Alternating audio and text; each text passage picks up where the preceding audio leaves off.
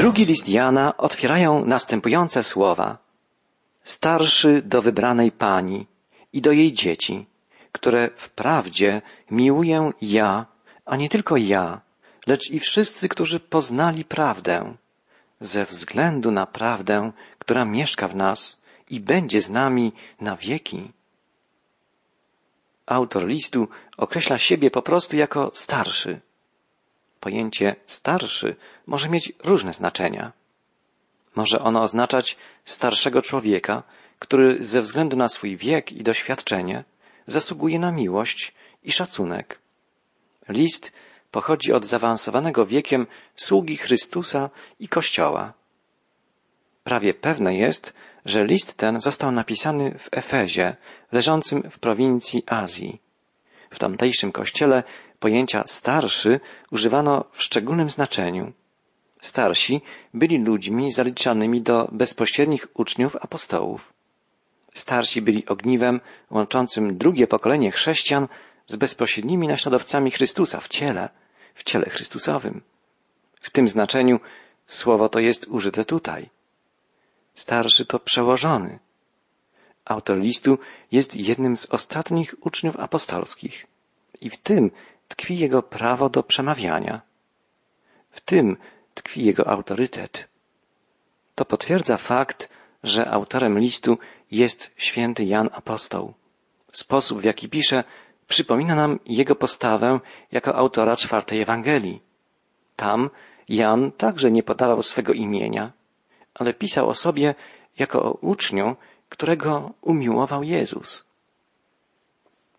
W pierwszym swoim liście apostolskim Jan również nie wymieniał swego imienia. Podkreślał jedynie, że należy do naocznych świadków życia i dzieła Jezusa Chrystusa. Jan, kiedyś młody, ukochany uczeń Jezusa, teraz doświadczony już, sędziwy przywódca Kościoła, pisze starszy do wybranej pani.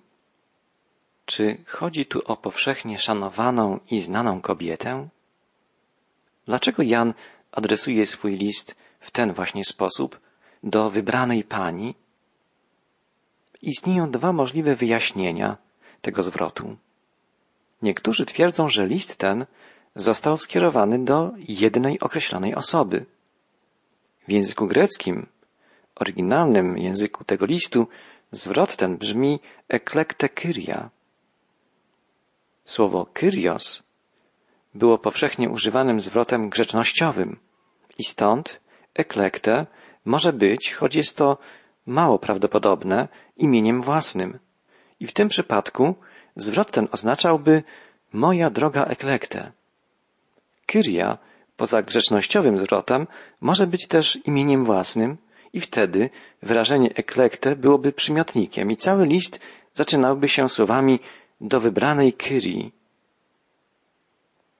Jednak taka wersja wydaje się bardzo mało prawdopodobna. List ten został napisany do jednostki. Gdyby tak było, to najprawdopodobniej żadne z tych słów nie byłoby imieniem własnym. I nasz przekład słusznie wyraziłby je zwrotem wybrana pani. I tak właśnie czytamy w naszym tłumaczeniu. Istnieje wiele domysłów na temat owej wybranej pani. Ci, którzy uważają, że jednak list ten był pisany do określonej osoby, zwracają uwagę na dwie możliwości. Niektórzy uważają, że wybrana pani to Maria, matka naszego Pana. Miała ona być przybraną matką Jana. Na krzyżu Jezus powiedział do Jana, oto matka twoja. Jan miał się opiekować Marią. I list ten byłby jego osobistym listem do niej. I druga możliwość. Kyrios znaczy pan, a Kyria jako imię własne mogłoby oznaczać pani. Słowo łacińskie domina znaczy to samo co aramejskie Marta, czyli pani.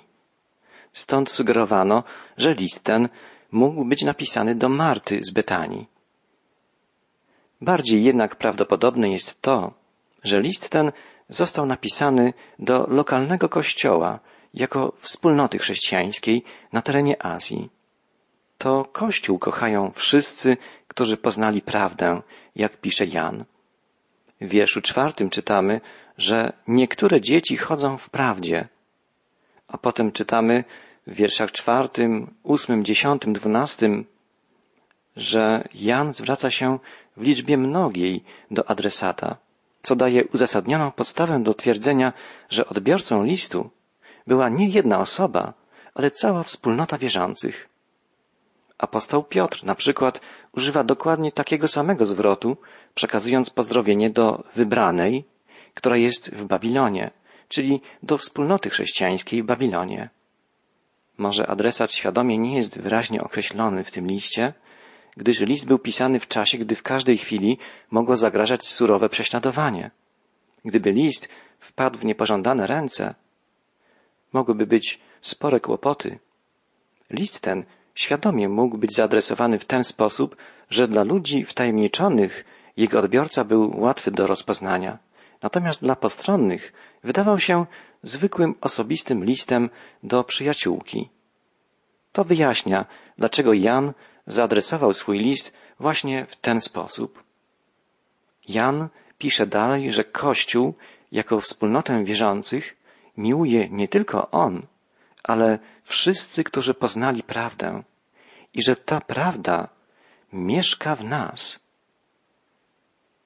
Prawda to rzeczywistość żywego Boga, w przeciwieństwie do wszystkich wyobrażeń o Bogu, które są często wytworem ludzkiego rozumu i ludzkiej wyobraźni. Jezus, właśnie ten, który przyszedł w ciele, jak podkreśla Jan w swym liście, którego Bóg posłał na świat jako ubłaganie za nasze grzechy, ten Jezus jest prawdą. Kto naprawdę jest chrześcijaninem, ten poznał ową prawdę. Poznał bowiem Jezusa. Prawda jest żywą wielkością, a nie przedmiotem lub rezultatem naszych przemyśleń, naszej mądrości. To nie my mamy prawdę, ale to ona wniknęła w nas i mieszka i chce mieszkać w nas. Jan dodaje z radością i będzie z nami na wieki. Jeżeli nie oddamy jej za jakieś nowe prawdy i nie zdradzimy, to nie tylko będzie w nas mieszkała, ale będzie z nami. Prawdą tą, żywą, wieczną, przemieniającą nas i całą rzeczywistość jest sam Jezus. On powiedział, jestem z wami aż do skończenia świata. Powiedział też, ja jestem prawdą oraz poznacie prawdę i prawda was wyswobodzi. Zaglądnijmy do Ewangelii Jana, gdzie ukochany uczeń Jezusa zapisał rozmowę swego Pana z uczonymi w piśmie, w trakcie której Jezus powiedział, poznacie prawdę, a prawda was wyzwoli. Czytamy w Ewangelii Jana w rozdziale ósmym, gdzie opisana jest rozmowa Jezusa z przywódcami religijnymi Izraela na ten temat, że byli oni oburzeni i odpowiedzieli mu, jesteśmy potomstwem Abrahama i nigdy nie byliśmy niczyimi niewolnikami. Dlaczego ty mówisz, będziecie wolni? Jezus odpowiedział im, zapewniam was, każdy, kto popełnia grzech, jest niewolnikiem grzechu. Niewolnik zaś nie pozostaje w domu na zawsze. Syn pozostaje na zawsze. Jeżeli więc Syn was wyzwoli, rzeczywiście będziecie wolni.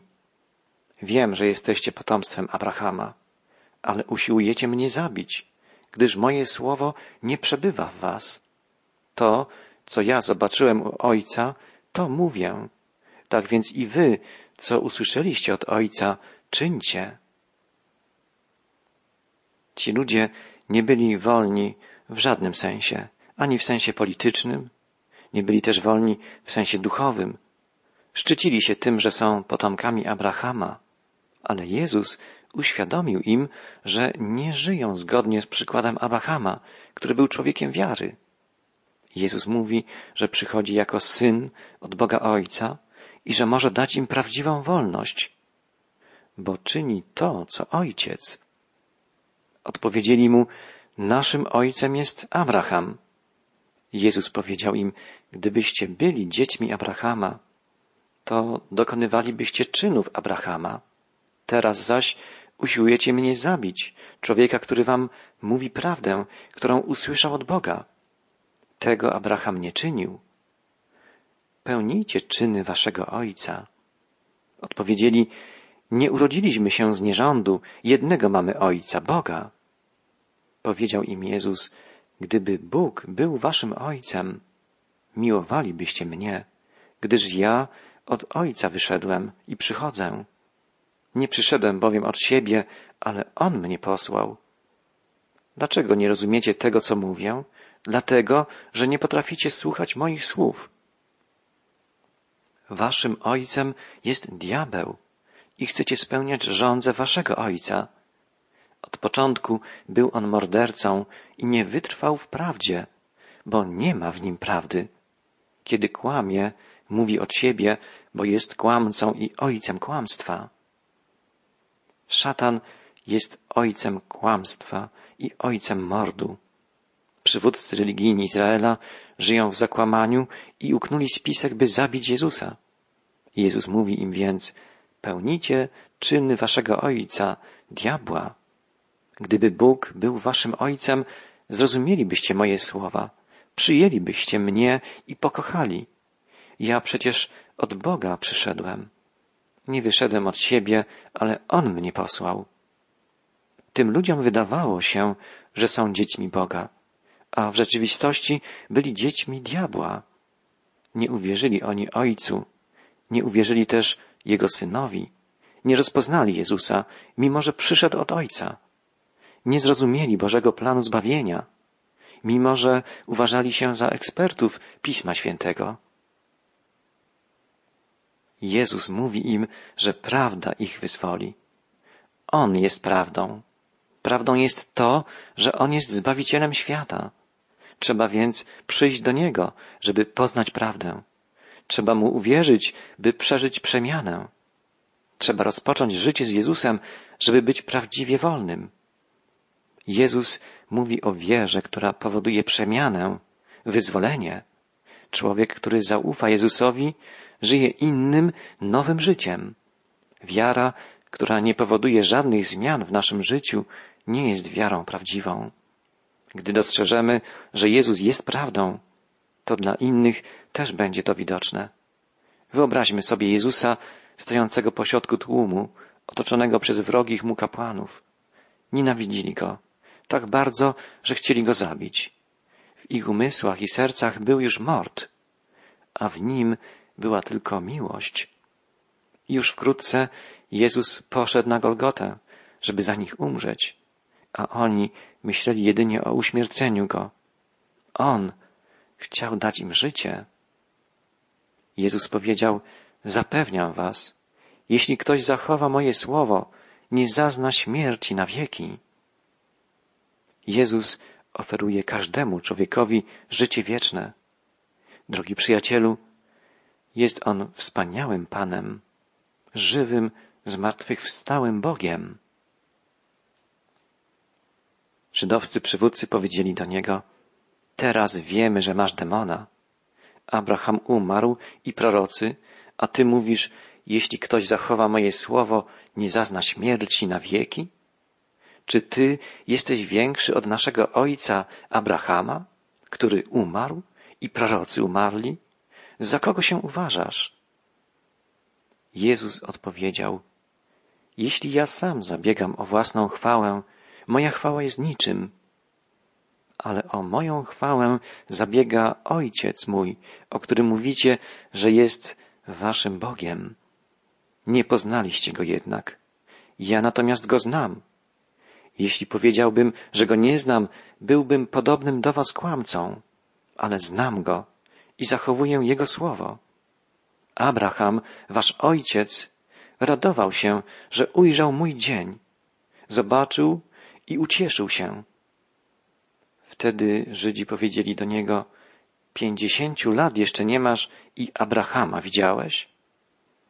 Jezus odpowiedział im, zapewniam was, zanim Abraham zaistniał, ja jestem. Chwycili więc kamienie, aby rzucić w niego. Jednak Jezus ukrył się i wyszedł ze świątyni. Niesamowite słowa. Czy Abraham widział Jezusa? Tak, Jezus mówi o tym tutaj wyraźnie. Dla nas śmierć jest granicą, za którą nie możemy już niczego dostrzec. Bóg jest obecny i po tej, i po tamtej stronie. Jezus przyszedł od Ojca i do Ojca powrócił. Przekroczył granicę dzielącą świat widzialny i niewidzialny, materialny i duchowy. Dzięki tej wypowiedzi Jezusa możemy jak gdyby zerknąć przez uchylone małe okienko w cudowność świata nieskończonego, w wymiar wieczności. Jezus powiedział, zanim Abraham był, ja jestem. To stwierdzenie rozsadza ramy czasu. Zanim Abraham był, ja jestem. Jezus mówi tu o sobie podobnie jak Bóg Ojciec. Ja jestem. Jestem zawsze, jestem wieczny, niezmienny. Żydowscy przywódcy religijni zrozumieli, co powiedział Jezus. Ponieważ zrozumieli, że mówi o sobie, iż jest Bogiem, równym Ojcu, porwali kamienie, żeby go ukamienować. Chcieli zabić go za bluźnierstwo. Ale Jezus mówił prawdę. On jest Bogiem, który może mówić o sobie ja jestem. Jest wiecznym, wszechmocnym Panem. Jest tym samym Bogiem, co Ojciec. Wielu ludzi pyta, jak to możliwe, że w Bogu jest więcej niż jedna osoba? Odpowiedź na to pytanie można poprzedzić innymi pytaniami. Dlaczego żyjemy na planecie, która krąży jako trzecia wokół Słońca? Dlaczego żyjemy właśnie w tej galaktyce? Dlaczego istnieje tak wiele galaktyk i tak wiele słońc, tak wiele gwiazd? Nie jesteśmy w stanie objąć swoim umysłem ogromu świata materialnego, a chcemy zmierzyć umysłem Boga. Nie jesteśmy w stanie poznać wielu tajemnic stworzenia, którego cząstką sami jesteśmy, a uzurpujemy sobie prawo do definiowania Stwórcy? Bóg objawia się nam jako Ojciec i Syn i Duch Święty. Czy jest jakaś przyczyna, dla której Bóg nie mógłby istnieć w trzech osobach? Naszym zadaniem jest poznawać Go, tak jak poznajemy stworzony przez Niego wszechświat, a nie kwestionować możliwość istnienia Boga żywego, takiego jakim się On nam objawia. Jezus jest jedną z trzech osób jedynego Boga. Jest tym, przez którego wszystko powstało. Na nim wszystko jest ugruntowane. Wszystko, co jest na niebie i na ziemi, rzeczy widzialne i niewidzialne, nadziemskie władze, zwierzchności, wszystko przez Niego i dla Niego zostało stworzone. Tak napisał apostoł narodów w swym liście do Kolosan. Jezus jest prawdą, która może wyzwolić Ciebie i mnie. Jest prawdą o ratunku dla Ciebie i dla mnie, prawdą o zbawieniu, prawdą o życiu wiecznym. Przywódcy religijni Izraela zostali postawieni przed wyborem. Musieli podjąć decyzję, czy uwierzą w to, kim jest Jezus, czy odtrącą go. Wybrali niestety to drugie. Chwycili w ręce kamienie, żeby go zabić. Wyboru odnośnie Jezusa musisz dokonać dzisiaj i ty. Czy jest On prawdą? Czy jest kłamcą? Czy jest Bogiem i Zbawicielem? Czy oszustem? Sam musisz zdecydować, czy przyjmujesz Go jako Boga, czy odrzucasz. Jakakolwiek będzie Twoja decyzja, w żaden sposób nie wpłynie to na to, kim Jezus jest naprawdę, kim jest w rzeczywistości. On, niezależnie od Twojego wyboru, jest prawdą, jest Zbawicielem, jest wiecznym Bogiem, który mówi o sobie Ja jestem. Twoja decyzja to albo przyjęcie, albo odrzucenie tej prawdy. Na zakończenie jeszcze raz zwróćmy uwagę na to, jak ściśle w pierwszych słowach listu powiązana jest miłość z prawdą. Ja, starszy, do wybranej pani, pisze Jan, i do jej dzieci, które miłuję w prawdzie, a nie tylko ja, ale miłujemy wszyscy, wszyscy, którzy poznali prawdę. Chrześcijańska prawda wskazuje nam na sposób, w jaki kochamy. W oryginale listu znajdujemy tu słowo agape. Jest to miłość chrześcijańska. Agape to nie niezrównoważone uczucie, nie poryw, nie emocje. Nie jest to chwiejny płomyk, ani tani sentymentalizm. Agape jest niepokonaną, dobrą wolą.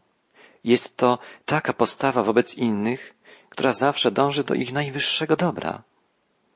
Jest miłość, która dąży do zawładnięcia, zaborcza. Jest miłość, która osłabia, pozbawia sił. Jest i taka miłość, która nie pozwala człowiekowi na walkę, zamyka oczy na jego braki i w końcu prowadzi do tragedii, do zepsucia. Miłość chrześcijańska zawsze szuka najwyższego dobra innych. Godzi się na wszelkie trudności i kłopoty stojące na drodze do dobra, ale także miłuje prawdę. Chrześcijańska prawda wskazuje nam na potrzebę miłowania. W swoim pierwszym liście Jan wyraźnie o tym pisze. Pisze tam o cierpieniu, poświęceniu i bogactwie miłości Bożej, a następnie dodaje umiłowani, jeżeli Bóg tak nas umiłował, i myśmy powinni nawzajem się miłować. Tak, chrześcijanin to ktoś, kto kocha, dlatego że sam jest kochany. Nie może on przyjmować miłości Bożej bez okazywania miłości ludziom, których Bóg tak samo miłuje. Ponieważ Bóg nas kocha, musimy wobec innych okazywać tę samą szczodrobliwą i poświęcającą się miłość. Jest to najważniejsza, najbardziej istotna prawda chrześcijaństwa. Drogi przyjacielu, jeśli nie potrafimy kochać, nie możemy zaliczać się do chrześcijan, do uczniów Jezusa Chrystusa.